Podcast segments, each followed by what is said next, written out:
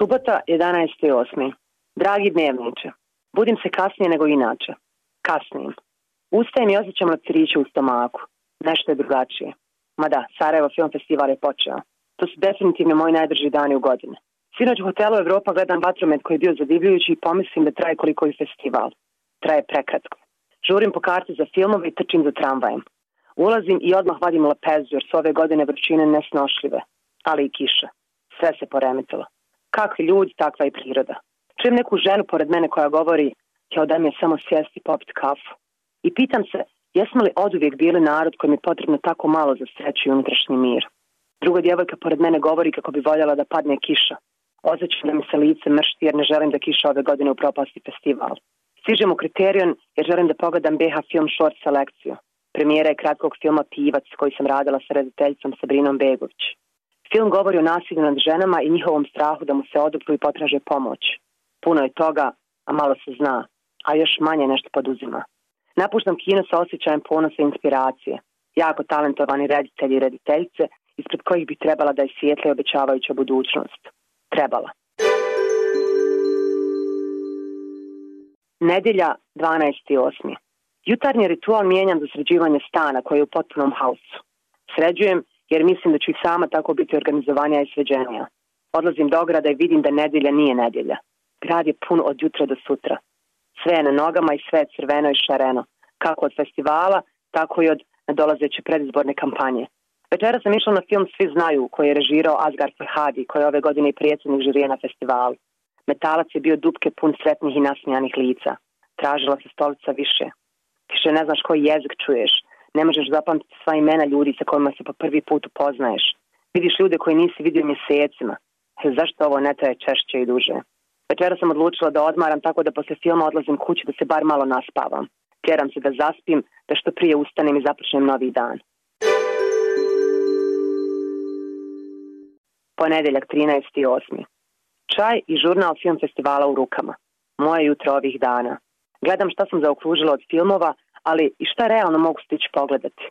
Upravo shvatam da danas igra kratki film koji sam radila u Italiji sa mladim rediteljem Adom Hasanovićem. Raduje me činjenica koliko festival pruža priliku mladim umjetnicima iz čitave regije, ali i šire. Odlazim da vidim roditelje i braću jer ovih dana i nisam baš imala vremena za njih. Ručamo zajedno i čitamo današnje vijesti na glas i razgovaramo o potpuno različitim temama. O migrantima u Bihaću, o nezaposlenosti, o kreditima, za koga glasati, kakvi su filmovi, koji je bio na crvenom tepihu i tako dalje. Nažalost, opet žurim, pa i pozdravam i odlazim na film Čovjek koji je ukrao Banksija. Volim kad poslije filma razmišljamo o istom i diskutujemo o tome što smo gledali. Tada znam da mi je film nešto uradio. Odlazim u noć i gužu koju inače ne volim, ali kao što sam napisala, Sarajevo film festivalu je sve dozvoljeno. Pleše mi se. Utorak 14.8. Četvrti dan festivala. Prebrzo mi prolaze dani. Prebrzo. Ujutro završavam neke mailove na koje moram odgovoriti danima. Ne volim ostavljati sve za posljednji čas, ali sve češće to radim. Spremam se i nemam pojma opet šta da obučem, ali ne znam da li će opet kiša. Dosadne, duge sarajevske kiše. Izlazim i ulazim u tramvaj. Ovih dana imam osjećaj da sam sva čula potpuno otvorena. Vidim dva momka koji stoje pored mene. Mislim da su srednjoškolci. Pričaju o festivalu i govore kako im je čudan grad, kako nisu navikle na toliko gužu. Mislim, nismo mi na mnogo toga navikli. To jest ne želimo da se navikavamo na bilo što drugačije. Večeras idem da gledam film Dogman, za koji sam već ranije dobila preporuku. Srećim direktora festivala Miru Purovaču i grlima se. Nisam ga vidjela od prošle godine. Pitam ga je li umoran. Sa osmijehom na licu govori ne. On to uvijek tako kaže, nikad nije umoran i uvijek ima osmijeh na licu. Kao i svi ostali divni ljudi iz organizacije ove augustovske čajolije. Nakon filma prilazim glavnim junacima da im od srca čestitam jer su napravili briljantan posao.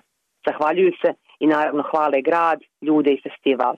Niko nije imao na pohvale i komplimente, a ni osmijeh nas ne košta ništa. Srijeda 15.8. Ustajem sa tremom jer danas imam upoznavanje i razgovor sa kasnim direktoricom iz Amerike. Ponavljam sama sebi da nemam potrebe za tremom, da će sve biti u redu, da ću im se svidjeti i dobiti ulogu. Pitam se da li ikada prestaje ova trema, da li traje godinama ili jenjava, kao i potreba da se svima svidiš.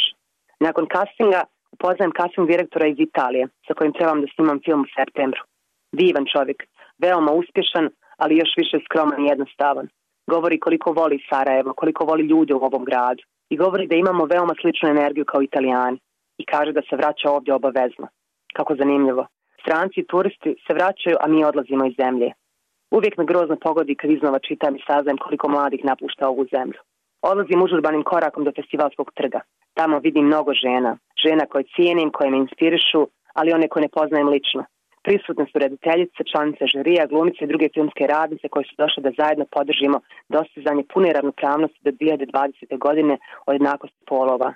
Filmska industrija se još uvijek bori za rodnu jednakost. Povelju su do sada potpisali Kani Lokarno film festival, a danas i Sarajevo film festival. Ponosno. Četvrtak 16.8.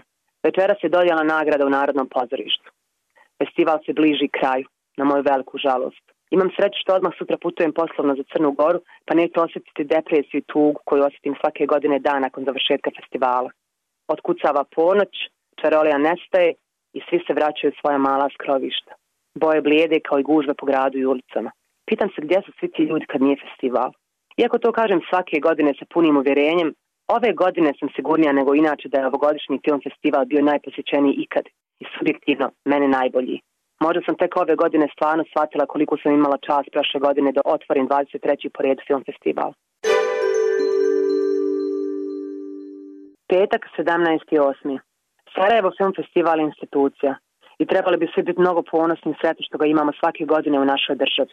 Ne smije biti moguće da nas ljudi iz drugih zemalja i kontinenata više cijene i smatraju uspješnim nego što to mi radimo između sebe. Tačnije ne radimo. Mi cijenimo i divimo se svemu što nije naše, što izlazi iz granica naše zemlje. Dobro, sad na posao. Dosta je bilo uživanja i odmora.